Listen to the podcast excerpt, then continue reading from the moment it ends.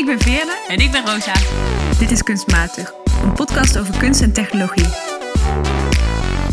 Hey, hallo en welkom bij Kunstmatig, de podcast waarin wij, Veerle en vandaag naast me aan de keukentafel zit Rosa. En we nemen jou mee op ontdekkingstocht in het grensgebied tussen kunst en technologie. Want hoe beïnvloedt technologie steeds meer hoe wij kunst ervaren vandaag de dag? Maar ook andersom. Hoe helpen kunstenaars ons te reflecteren en na te denken op een kritische manier over de technologische ontwikkelingen in de wereld om ons heen? In elke aflevering van Kunstmatig nemen we je mee op pad naar een specifiek stukje van dat grensgebied. En vandaag is dat het stukje grensgebied tussen hacker en glitchkunstenaar. Ja, als we aan hackers denken, dan denk ik zelf vaak aan met name mannen die vanuit een, een kamer eh, systemen zitten in te breken hackers hebben vaak een negatieve connotatie. Hè? Als je gehackt wordt, ben je je gegevens kwijt.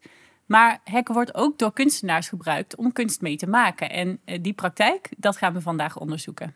Ja, en hacken betekent in dat geval best wel wat anders dan wat we er doorgaans onder verstaan. Ik heb meteen een soort matrix-achtig beeld met eentjes en nulletjes. Maar hacken betekent ook het op een creatieve manier omgaan met technologie. Dus zelf ermee bezig op een hele democratische manier. En op die manier zijn hackpraktijken ook best wel politiek. Want het gaat vaak heel erg over ja, radicale inclusiviteit. Iedereen moet en mag met technologie kunnen omgaan. Ja, en om dat te kunnen doen, om in te kunnen breken in die systemen, moeten we natuurlijk ook die systemen goed kunnen begrijpen. En dat is denk ik al een stap waar veel mensen misgaat. Dat merkten wij zelf ook toen we over deze onderwerpen gingen nadenken. Uh, programmeren kan ik niet zo goed. Maar we hebben ons over die gevoelens heen gezet. En we zijn voor deze aflevering zelf aan de slag gegaan met solderen. En daarvan gaan we verslag doen in de rubriek De Gekke Gadget. Normaal doen we natuurlijk altijd een reportage dat we op pad gaan naar een museum of naar een theatervoorstelling of naar een concert. Maar aangezien we nog steeds in de harde lockdown zitten, is dat geen mogelijkheid. Dus toen dachten we, wat kunnen we nou aan de keukentafel doen? En hacken en glitchen en zelf met technologie aan de slag is nou net iets dat wel heel goed kan nu. Dus vandaar dit keer een speciale gadgetronde. Maar natuurlijk wel nadat we alsnog een aantal werken bespreken die we hebben meegenomen. In deze aflevering gaan we twee vragen onderzoeken. Allereerst, hoe kunnen we hacken gebruiken als een manier om kunst mee te maken? En hoe kun je op een creatieve manier met technologie omgaan? Dus buiten de gebaande paden gaan. De beelden die we vandaag bespreken kun je allemaal zien op onze Instagram. Dus volg ons zeker daar even als je dat leuk vindt. En we zijn heel blij als je abonneert op onze podcast. Dan weten nieuwe luisteraars ons ook sneller te vinden. We gaan uh, beginnen met de eerste rubriekje. En ik wil aan jou, Veerle, vragen: wat heb je vandaag meegenomen? Nou, wat ik heb meegenomen vandaag is niet één werk, maar is eigenlijk het oeuvre of de, de werken, de geluidssculpturen van Helen Lee. En indirect wil ik het, als ik het over haar heb, heel graag hebben over de maker movement en hoe die met kunst te maken heeft. Maar ik zal eerst even Lee introduceren. Lee is een hardware hacker. En ze zegt zelf dat ze een art tech weirdo is. en wat ze doet is experimenteel instrumentontwerp. Dus ze maakt nieuwe muziekinstrumenten. Ze is een muzikus en ze is dus een engineer, denk ik dat je dat kunt zeggen. En ze maakt dus interactieve geluidswerken. Die ze vaak met hele simpele elektronische onderdelen maakt. Dus altijd een soort muziekinstrumenten of een soort objecten die geluid maken. En ze zijn altijd gemaakt van nou, dingen die je om je heen wel ziet. Dus een soort ijzeren draadjes of stoffen. Ik wil er even een paar laten horen, zodat je een idee hebt wat voor mooie geluiden dat soort werken eigenlijk maken. Ja, leuk. Dit is dus een voorbeeld van het basinstrument dat ze heeft gemaakt. Moet je maar horen.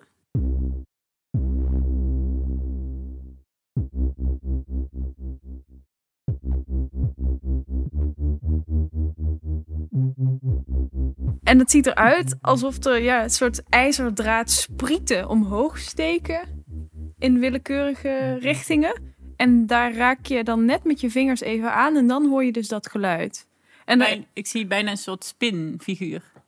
Ja, inderdaad. En dan heeft ze ook nog een harp variant op. En die klinkt zo.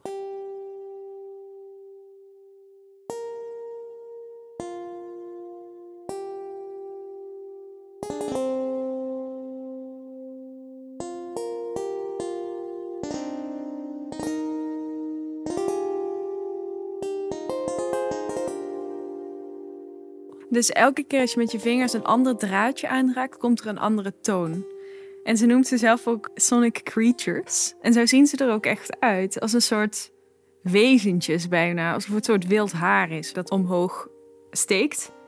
En al haar werken hebben zo'n soort ja, aanraakbaarheid. Je wil ze heel graag aanraken. En ze bewegen ook doordat je ze aanraakt. Ze heeft ze ook een soort knuffelapparaat gemaakt. Moet je luisteren. En als je dat luistert, is het gewoon een soort ja, langwerpige pluche vorm. En als je die dan gaat aaien, dan.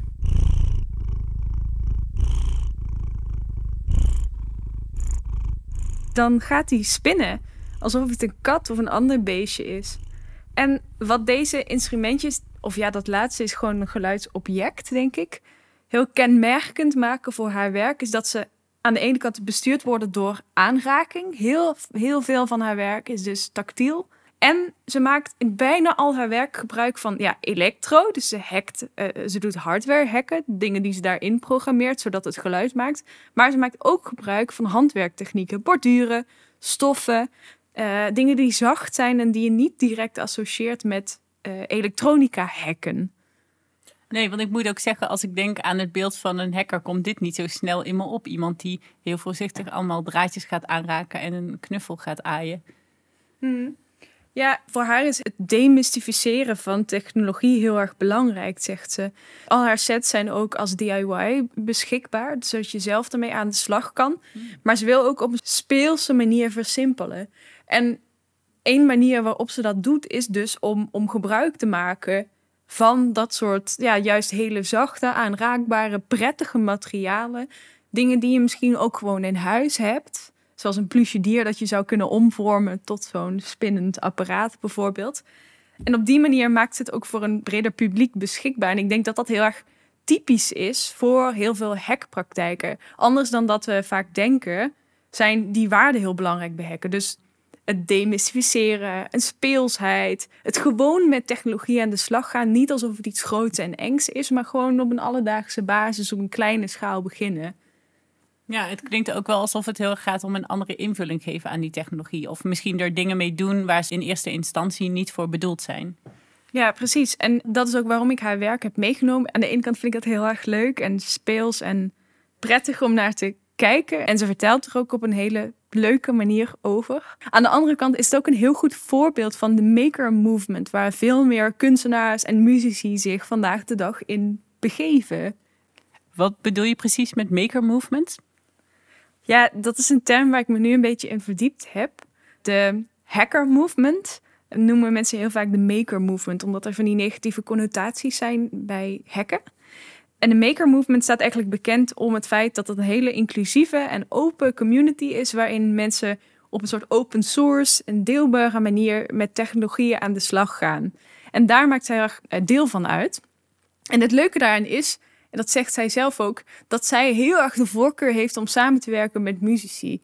Omdat die weten dan misschien niet precies hoe de elektronica werkt, maar die kunnen wel op hele creatieve manieren en heel erg vanuit de muziek geïnspireerde manieren ineens zo'n apparaatje anders bekijken en zich afvragen van ja, maar wat nou, wat zou er moeten gebeuren als ik dit en dit zou willen kunnen spelen? Dus zet ze in die zin muzikanten aan ook tot hacken van hun eigen eh, instrumenten? Zie ik dat zo goed? Ja, of een samenwerking met, met muzikanten die elektronische muziek maken of daar affiniteit mee hebben. Op het moment dat zij iets willen dat misschien niet kan met de instrumenten die ze tot hun beschikking hebben, of dat ze iets op een ja, op een handmatige manier. Dat is niet helemaal het goede woord, maar je snapt wat ik bedoel. Dat ze het niet willen programmeren in een computer, maar het echt zelf willen kunnen doen live on stage. Dan kunnen ze samenwerken en op die manier nieuw soort instrumenten ontwikkelen. En we moeten niet vergeten, dat is echt een van mijn lievelingsdingen hieraan, dat heel veel elektronische muziekinstrumenten die vandaag de dag super normaal zijn, die hebben wortels in dit soort geschiedenissen, in maker movements, in hacker spaces. Bijvoorbeeld synthesizers, die vandaag natuurlijk echt, nou ja, dat is echt een super standaard muziekinstrument. Maar die zijn ontstaan door dit soort innovatieve processen. Want eerst had je de theremin. Dat is een elektronisch instrument waarbij je eigenlijk met je hand erboven moet bewegen en dan krijg je tonen. En het klinkt een heel klein beetje, als het goed bespeeld wordt, klinkt het een beetje als een cello. Als het slecht bespeeld wordt, dat is heel moeilijk, klinkt het als een soort zingende zaag. en dat was heel moeilijk te bespelen, maar wel interessant elektronisch gezien en qua tonen. En toen was allemaal mensen van deze elektronica-nerds, van die art tech nerds, die besloten er een uh, keyboard aan vast te maken. En op die manier is langzaam de synthesizer ontstaan. En toen kwam je uiteindelijk dus ook terecht in de intro-tune van Kunstmatig. Precies. en zo is alles rond. Dat vind ik echt fantastisch leuke geschiedenissen. Ik zet een boek in de show notes dat echt zo de moeite waard is om te lezen. Als je daar meer over wil uh, weten. Het zijn ook allemaal hele kleurrijke types die daarbij betrokken zijn. En het leuke is dat die vernieuwing, dus tot nieuwe instrumenten komen, is niet per se het doel. Het doel is die speelsheid. Maar het is meer door middel van die speelsheid kun je soms tot ja, nieuwe inzichten komen en nieuwe dingen komen die dan blijven. Dus wie weet zit er tussen al die gekke geluiden die zij nu maakt wel een instrument dat we over 50 jaar in ieder top 40 nummer horen. Dus Veerle, vind je dit kunst of matig? Nou, dat is best nog een moeilijke vraag. Want ik denk het bestempelen als kunst zou een beetje onterecht zijn. Want haar doel is niet om autonome kunstwerken te maken, maar om te spelen met technologieën en op die manier misschien tot toepassingen te komen die andere kunstenaars en muzici zouden kunnen gebruiken in hun praktijk. Maar het is ook niet matig. Ik weet dat ik altijd een beetje ontkennend op deze vraag antwoord, maar ik probeer te contextualiseren. Ik denk wat heel erg goed is in ieder geval aan dit werk en waarom ik het ook heb meegenomen, is dat het laat zien dat een, een autonoom kunstwerk niet altijd het doel hoeft te zijn om iets te hebben wat heel erg goed en heel erg inspirerend is. En zij nodigt echt uit om zelf aan de slag te gaan. En ik denk dat dat ja, tot de kern behoort van wat een goede hacker zou moeten doen. Niet afschrikken, maar uitnodigen. Hey, en als er nou hackers zijn die luisteren, kunnen die dan zelf dat geluid in een kussen installeren? Dat denk ik wel. Ik bedoel, ik denk dat het ambitieus zou zijn om te zeggen dat wij dat kunnen. Maar jullie horen dadelijk meer over waarom ik denk dat dat niet gaat lukken. Maar ja, heel veel van dit soort informatie staat gewoon open source op het internet. Dus uh, ga maar proberen, zou ik zeggen. Laat het ons vooral weten als je dat hebt gedaan. Dat vinden we leuk om te horen. En Rosa, wat heb jij vandaag meegenomen? Ik ben voor deze aflevering in de wereld van de glitchkunst gedoken. Glitchkunst is kunst die eigenlijk foutjes in technologische systemen als uitgangspunt gebruiken of nemen om, om kunst mee te maken. En we kijken vaak naar glitches als inderdaad een foutje, iets wat niet de bedoeling was in een systeem. Maar die kunstenaars kijken daar eigenlijk op een andere manier naar. En ik heb het werk van één kunstenaar uitgekozen deze week. En dat is het werk van Rosa Menkman. Een Nederlandse kunstenares die veel glitchkunst maakt, ook onderzoekt en ook tentoonstellingen heeft gemaakt over dit onderwerp. En wat ik zelf zo interessant vind aan die glitch is dat het momenten zijn waarop je ineens op een andere manier naar zo'n systeem gaat kijken. Dus als je normaal je computer gebruikt, gaat eigenlijk alles bijna helemaal vlekkeloos. En pas op het moment dat er zo'n glitch, dat er een foutje ontstaat, ga je ineens nadenken over hoe dat systeem werkt en welke mogelijkheden zo'n systeem je geeft. En nou, dat gegeven van die foutjes als een moment waarbij je op een andere manier kunt nadenken over die technologie, eh, dat is iets wat veel kunstenaars en dus ook Rosa Menkman inspireert.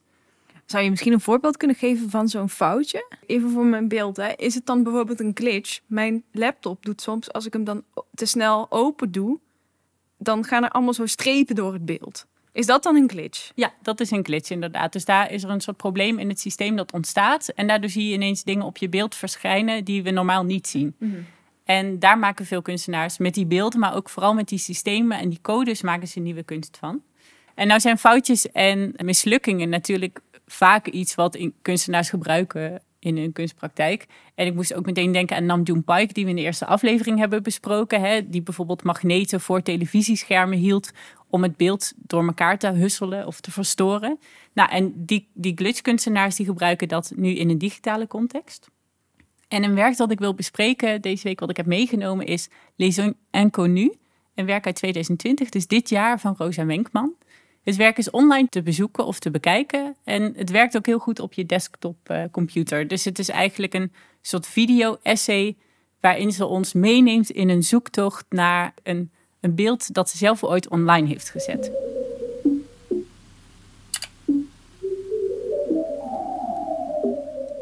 Rosa Menkman heeft in 2011 een zelfportret gemaakt op een glitchachtige manier. Dus je ziet allemaal verstoorde kleuren en pixels door het beeld lopen. En dat beeld werd op een gegeven moment opgepakt online. Dus ze verscheen met haar zelfportret op mokken, op truien, van alles. Zonder dat er naar haar gerefereerd werd. Oh. En tien jaar later heeft ze daar dus een kunstwerk over gemaakt. Waarin ze is gaan, zich gaan afvragen van wat betekent het nou dat mijn gezicht een eigen leven is gaan leiden. Waarbij niemand eigenlijk nog weet wat mijn identiteit is, wie ik ben.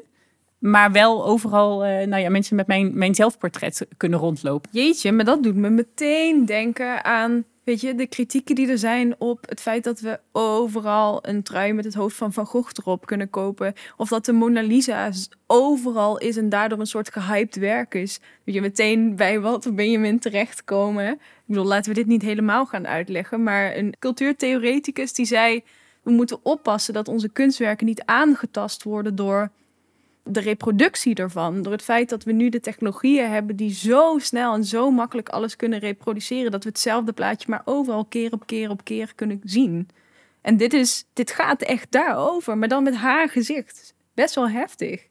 Ja, en ik vind het ook interessant dat ze dus zelf veel werken maakt over dit soort onderwerpen. En dan ineens zelf een soort van het object van zo'n zo'n proces wordt. Dus ineens wordt het mhm. werk dat zij creëert overal maar geherproduceerd. Mhm. En wat ze heeft gedaan is een verbinding gelegd tussen haar eigen ervaring en een hele lange geschiedenis van vrouwen wiens gezicht wordt gebruikt in de ontwikkeling van technologie, maar waar we eigenlijk de identiteit niet zoveel van weten. En het project kan nu, nou ja, laat ze een aantal van die vrouwen de revue passeren. Uh, waaronder bijvoorbeeld, uh, je had vroeger in de ontwikkeling van de kleurenfotografie uh, Kodak Shirley cards. Dus dat waren kleurenkaartjes met vrouwen erop. Altijd witte vrouwen of vrouwen met een lichte huidskleur.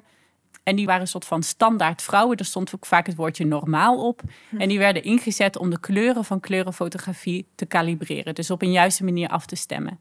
En die standaard vrouwen, dat zijn vrouwen wiens beelden we heel vaak hebben gezien, maar van wie we eigenlijk helemaal niet vaak weten wie het zijn. En zo traceert ze door de geschiedenis een aantal vrouwen. Dus ook bijvoorbeeld nu, waarschijnlijk ken je het wel, je hebt een stokfoto vrouw. Ik weet niet of het haar echte naam is, maar ze wordt Ariane genoemd. En die vrouw verschijnt werkelijk waar uh, van supermarktreclames tot dat ze ergens KNO-arts is.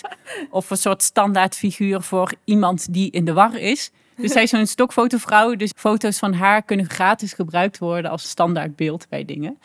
En ook haar identiteit is vrij onduidelijk. Ze is een soort anoniem figuur geworden. Dus door die vrouwen zichtbaar te maken, stelt Menkman een vraag over ook die standaardisatie in technologie. En hoe daar ook wel deels seksistische en racistische machtsstructuren bij aanwezig kunnen zijn. Hè? De vrouw als het object voor de het afstelling van de technologie. Wacht even, dan moet je even uitleggen, want we horen juist ook heel vaak dat de vrouw niet de standaard is. Maar hoe kan het dan dat het bij dit soort technologieën wel de vrouw is die de standaard is? Nou, het is niet de vrouw voor wie de technologie ontworpen is, maar het is vooral het beeld van die vrouw op basis waarvan die technologie wordt afgesteld. En dat zegt ook iets over dat het in, vroeger met name mannen waren die bijvoorbeeld die fotografie gingen afstellen. Mm. Dus je had ook in de jaren zeventig een figuur van Lena Sunderberg, als ik het goed zeg. En dat is een foto van de Playboy koffer. En die is ook jarenlang gebruikt voor het afstellen van die kleuren. Dus dat zegt ook wel iets voor van wiens blik, zeg maar, daarin mm. werd gerepresenteerd. En je ziet ook dat als gevolg van het feit dat het met name vrouwen met een witte huidskleur waren die model stonden, dat technologie dus niet goed werkte op vrouwen met een donkere huidskleur of mannen met een donkere huidskleur. Dus daarin zie je ook weer die machtsstructuren doorwerken. Maar als we dan teruggaan naar Menkman, hè? Want zij heeft natuurlijk zelf haar gezicht online gezet als onderdeel van een kunstwerk. Hoe verhoudt zich dat hier dan toe? En hoe maakt zij die vrouwen dan anders zichtbaar? Of, of wat doet ze dan met die beelden in dit project? Ik denk dat Rosa Menkman ons vooral wil laten nadenken over de achterkant van technologie. Dus we zien die beelden vaak als een soort standaard iets, maar we denken niet zo vaak na over hoe die beelden worden gemaakt. En ook over bijvoorbeeld in welk format die beelden worden gemaakt. Dus dan wordt het een beetje een technisch verhaal. Ik zal niet te technisch induiken.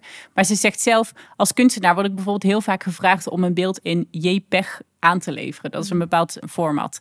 Alleen JPEG is een, nou, een format wat bepaalde mogelijkheden geeft voor kunstenaars, maar ook bepaalde mogelijkheden uitsluit. Dus altijd als ik een beeld wil maken en het in JPEG moet aanleveren, betekent het dat bepaalde informatie in het beeld verloren gaat doordat ik het transformeer of omzet naar JPEG.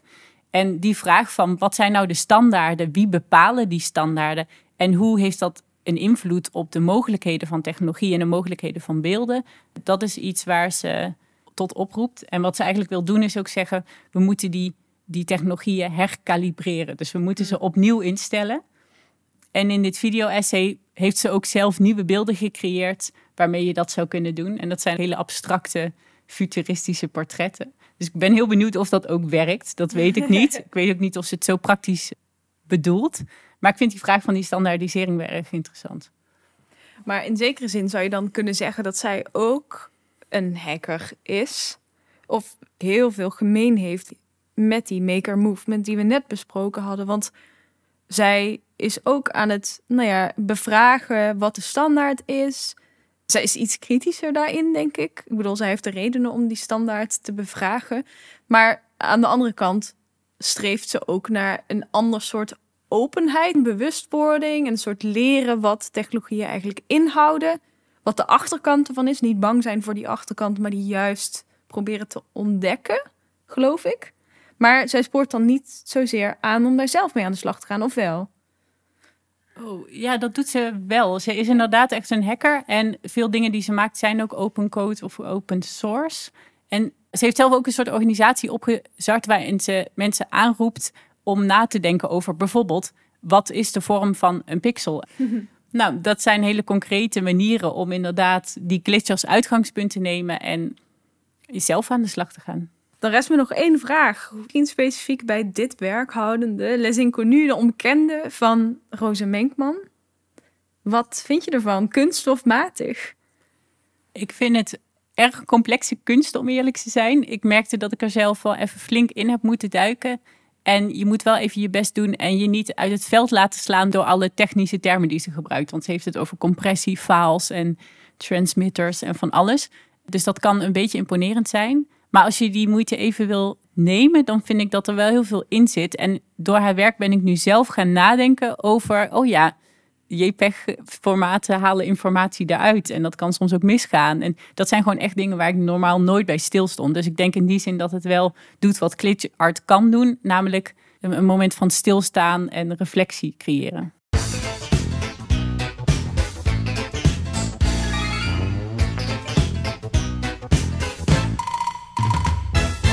We hadden gehoopt dat we deze keer de gekke gadget rubriek hadden kunnen openen in een robotstem. Maar dat is mislukt. Maar wat we hebben gedaan deze keer als gekke gadget heeft daar wel mee te maken. Zoals we in het begin al zeiden, hebben we dus een, reportage voor jullie. Want we dachten, als we aan de slag gaan met hacken, met elektronica, met glitchen, met, een, met kunstpraktijken waar fouten maken centraal staat, dan moeten we zelf aan de bak.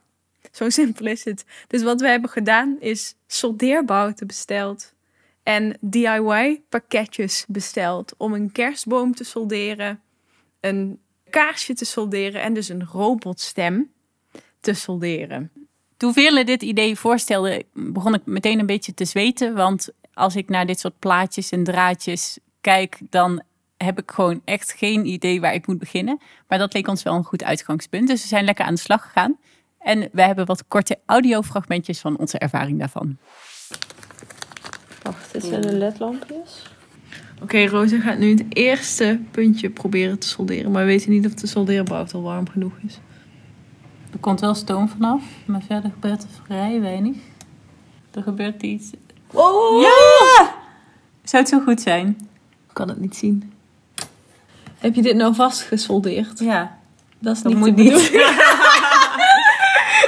Rosa heeft 86.000 ledlampjes in onze kerstboom aan het solderen. Het gaat nu wel lekker. Eindelijk. Na de eerste optimistische minuut hebben we een klein beetje tegenslag gekend. Maar ik denk dat we nu weer op het goede pad zijn. Het is eigenlijk ook gewoon rustig alle stappen volgen en niet te veel nadenken waarom en wat. Maar gewoon stap voor stap en niet bang worden van cijfertjes. Het ruikt echt naar technieklokaal. Ik vind het best wel vet dat ik nou gewoon een knopje op iets heb gezet. Oh, hij doet het. Yes! Het is gewoon rode loon. Dit is zo goed. Oh, maar die onderste doet het niet. Die doet het Ja. niet, nee. Maar de en rest die doet het ook wel. niet. En die ook niet. Oké. Horen ze te knipperen? Ja. Ja, volgens Maar mij het- wel. ik vind dit al meer dan ik had. Wel leuk! Hartstikke leuk. En toen hadden we dus een kerstboom met heel veel ledlampjes gemaakt. Ik ben nog steeds een beetje daarvan onder de indruk. Maar wat we heel snel al merkten, we zijn echt de hele dag bezig geweest, is dat, en misschien is dit heel logisch, we moesten eerst best wel leren omgaan met die soldeerbouten. En dat je tin erbij moet houden en hoe je dat dan op een goede manier doet. En wanneer het warm wordt en wat het betekent als er een wolkje vanaf komt. En dat je niet per ongeluk het tin vast soldeert. Allemaal dingen waar ik nog nooit in mijn leven bij stil had gestaan. Dus aan de ene kant was het meteen heel veel praktische skills leren. Ja, en ik vond dat het best snel ging. Want ik merkte op, toen ik het als eerst zag, al die cijfertjes en nummertje, dan is er meteen error in mijn hoofd. En dan wil ik het liefst er al meteen mee stoppen. Maar we hadden dit nu bedacht dat we het nou eenmaal zouden gaan doen. Dus gewoon rustig, stap voor stap doen. En dan is het eigenlijk helemaal niet zo lastig als je denkt. En het feit dat het eerste project al meteen lukte, had ik gewoon niet verwacht. Maar ik ben best wel trots erop. En jij zei dat op een gegeven moment, Roos, dat je merkte dat je wel het vocabulaire niet had. Ja. En dat vond ik heel grappig, want dat had ik zelf ook, dat hadden we allebei. We zijn zo niet gewend om te praten over weerstandjes, zelfs ledlampjes en positieve en negatieve kanten daarvan en wat dan wat is. Terwijl als je dit een paar keer hebt gedaan, is dat waarschijnlijk echt gesneden koek. Ja, en ik moest ook lachen, want ik vertelde mijn vader dat ik met jou ging solderen. En toen kwam ik terug en toen zei hij, dacht hij dat we dat in de metaforische zin van het woord bedoelden. hij dacht dat we teksten aan elkaar of iets voor de podcast ideeën gingen solderen. Heel veelzeggend. Maar dat wil niet zeggen dat we het wel ja, echt hebben geprobeerd. En dat ik het ook heel leuk vond. Want het was heel secuur werken. Niet echt mijn forte normaal. Maar dat ging best wel aardig. En dat we ook lekker bezig waren de hele dag. Je zit gewoon aan een tafel heel geconcentreerd de stappen te volgen. Je leert heel veel over die kleine stukjes onderweg. Zowel de namen, maar ook hoe je ze moet gebruiken. Met welke je voorzichtig moet zijn. Weer een hele aandachtige manier van bezig zijn. Maar na dat eerste project, dat eerste kerstboompje, ging het wel bergafwaarts. Want toen wilden we dus het tweede project gaan doen, namelijk een voice changer gingen we maken. Dit was iets ambitieuzer. Het is inmiddels ruim vier uur later. En Rosa zit nog steeds te solderen. Gaat wel goed, maar het is wel veel werk. Ik zoek nu de mic. Dan kunnen we straks een robot voice gaan maken. Robot voice. Ik ben echt mega teleurgesteld als dit niet lukt. Maar als het wel lukt, dan ben ik heel blij. Wat een werk. Maar wel echt, ik word hier heel ontspannen van. We hebben blijkbaar een vrij cruciale fout gemaakt. Halverwege de voice changer. Door een verkeerd onderdeeltje te solderen. Dus nou doet hij het niet. Het is echt heel, heel, heel verdrietig. Misschien was het toch ambitieus om dit zonder enige vorm van begeleiding te doen. Ja, zoals je al hoort, eh, zijn we erg teleurgesteld. Want het liep helemaal in de soep. We hebben blijkbaar een standaard beginnersfout gemaakt. En iets de verkeerde kant opgesoldeerd. Of het verkeerde onderdeeltje erin gesoldeerd. En dat is dus wel het probleem met deze dingen. Als je het eenmaal fout doet, dan ben je gewoon te zaken. Ja, dat is echt heel erg verdrietig. We waren ook best wel teleurgesteld. We waren zo goed bezig. Echt urenlang bezig. En ik denk dat misschien daar ook een beetje de fout in zat. Dat we te ambitieus begonnen zijn. Want we dachten, oh, we doen dat gewoon allemaal op één dag. En die eerste ging hartstikke goed. Maar daarna is het dus niet meer goed gegaan. Het zou misschien ook een heel klein beetje met onze concentratie te maken kunnen hebben gehad. Dat we per ongeluk een fout hebben gemaakt bij het solderen. En dus geen robotstem. Maar we gaan het wel nog een keer in de herkansing doen. Zodat we hopelijk een keer de aflevering kunnen openen met wel deze robotstem. We hadden één hulplijn. Die we dus niet vaak genoeg ingeschakeld. Want mijn schoonvader is techniekleraar. Die heeft de foto en het filmpje van onze kerstboom met ledlampjes gezien. En die zei dat we daar een 8 voor zouden krijgen. Echt waar? Echt waar. Dus zit je net als wij in een lockdown en ben je op zoek naar een nieuwe hobby, maar ben je ook wel een beetje klaar met dat borduren of is dat niks voor jou? Probeer dan zeker een keertje solderen. Dat kun je leren. Op een sokkeltje. In Op een Sokkeltje zetten we elke aflevering iets of iemand in de spotlight. En deze week is dat Nukeme's werk GlitchKnit, oftewel glitch-breiwerk. Nukeme is een Japanse modeontwerper en kunstenaar. En die heeft dus samen met een hardware-engineer en een software-engineer een breimachine gehackt. Zodat die machine ging werken op open source materiaal en afbeeldingen. En dat waren dus glitch-afbeeldingen, zoals Rosa had besproken in haar eh, meegenomen werk. Dus afbeeldingen met foutjes erin. En die ging die machine dus vervolgens breien. Dus die ging letterlijk glitch-patronen breien. Dus ze hebben een soort van expres die machine zo geprogrammeerd dat die niet langer goed controleerbaar was. En dus zelf ging bepalen wat voor truien die ging breien bijvoorbeeld. Of wat voor sjaals. Ja, het is echt eigenlijk een beetje een machine die op hol is geslagen en daardoor uh, hele aparte mode-items creëert. En je kunt op twee manieren naar dit werk kijken als een glitch. Ja, allereerst kan iedereen dus afbeeldingen aanleveren. Het is een open source software, maar die software is een beetje kapot. Die software maakt expres afbeeldingen kapot. Die maakt alle afbeeldingen tot glitch-afbeeldingen. Dus beschadigde afbeeldingen die wel nog af te spelen zijn. Dus die die wel nog aan de machine kan voeren. En een andere manier waarop de machine glitcht is omdat de breimachine zelf is gehackt. En dat betekent dat de structuur van de stof automatisch beschadigd wordt wanneer die breimachine aan het werk gaat. En daardoor krijg je een kledingstuk wat bestaat uit een breisel vol gaten. Dus daarin wordt het idee van de glitch van het foutje heel zichtbaar en heel expliciet. Het is namelijk een trui met gaten erin.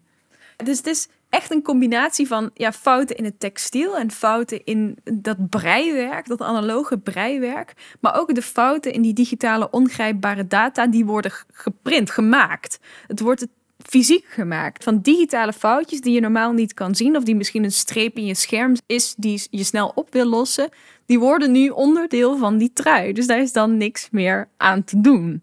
En wat deze kunstenaar ook heeft gedaan, is expres logo's laten glitchen. Dus bijvoorbeeld logo's van Internet Explorer of Firefox. En die logo's die werden dan gebreid met foutjes. En wat je daarin kunt herkennen is ook wel een bepaald soort kritiek op alle net niet echte kleding die wordt verkocht via AliExpress of dat soort platforms. Waar ook altijd kleine foutjes in de logo's zitten, omdat het namaakproducten zijn.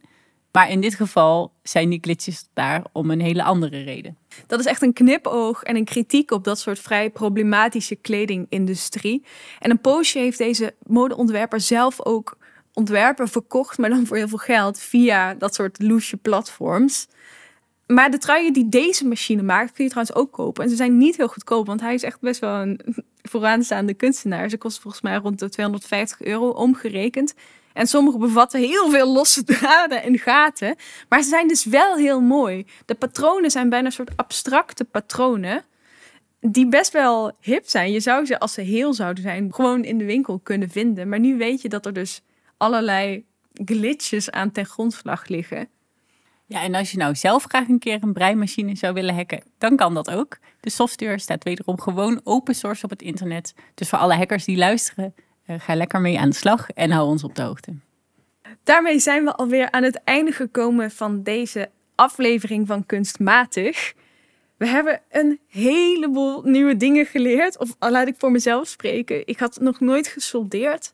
Ik wist wel wat van de geschiedenis van muziekinstrumenten, maar had me nog nooit echt verdiept in het hacken, in glitchen, in de onwaarschijnlijke speelsheid en eigenlijk de hele democratische wereld die dat is dat heeft me echt verrast en ook heel erg geïnspireerd. Ja, dat gevoel deel ik met jou. Ik ben een stuk minder bang geworden voor dit soort technologieën. Ik merk ook bijvoorbeeld dat we zelf hebben gesoldeerd. Als ik nou een afbeelding zie van zo'n plaatje met die stukjes eraan gesoldeerd, dan weet ik een beetje wat het is. Dus ik zie ook meer dingen. Ik zie die meer alleen maar als een stukje technologie, maar ik zie ook wat meer wat het is. En die glitchkunstenaars hebben me ook een inkijkje gegeven in de achterkant van technologie. En dat vind ik wel een ja, mooi iets waar ik nog meer over ga nadenken. En niet alleen nadenken, maar ook zelf ermee bezig gaan. Dat vind ik een goed voornemen voor dit nieuwe jaar. Want we denken al zoveel na. We mogen af en toe ook wel eens even klooien en fouten maken. En dat past nogal goed bij dit thema van hacken en glitchen. Dus ik vind het goed dat we zelf ook best wel valikant gefaald hebben bij ons eigen gadget item. En dan komen we bij de laatste vraag van deze aflevering. Waar kijk jij naar uit de komende tijd? Nou, ik heb dus voor de lockdown al een tentoonstelling gezien hier in het Bonnefante Museum. Voice Over. En daar heb ik een werk gezien en dat gaat over surveillance technologieën. Het is zo interessant en Rosia gaat het zo gaaf vinden. Maar ik mocht al die tijd er nog niet over praten, omdat ik het wilde bewaren voor onze aflevering. Maar volgende aflevering gaat over surveillance camera's en videokunst. Dus dan mag ik er eindelijk over praten. Ja, en dit is zo'n beetje mijn meest favoriete onderwerp ooit. Dus ik heb er heel veel zin in en ik kan niet wachten om te horen wat je daar allemaal hebt meegemaakt. Dankjewel voor het luisteren weer. En ga naar onze Instagram plaatjes te checken. Check de tips in de show notes en abonneer je. Geef ons een recensie, zoals we eerder ook al hebben gezegd. Oh, en nog een laatste opmerking. Sommige luisteraars gaven aan dat ze de Engelse namen soms moeilijk vonden om te verstaan. Maar kijk daarvoor ook even in onze show notes, want dan kun je het allemaal teruglezen. Dankjewel voor het luisteren en uh, tot volgende keer. Doei! Doei.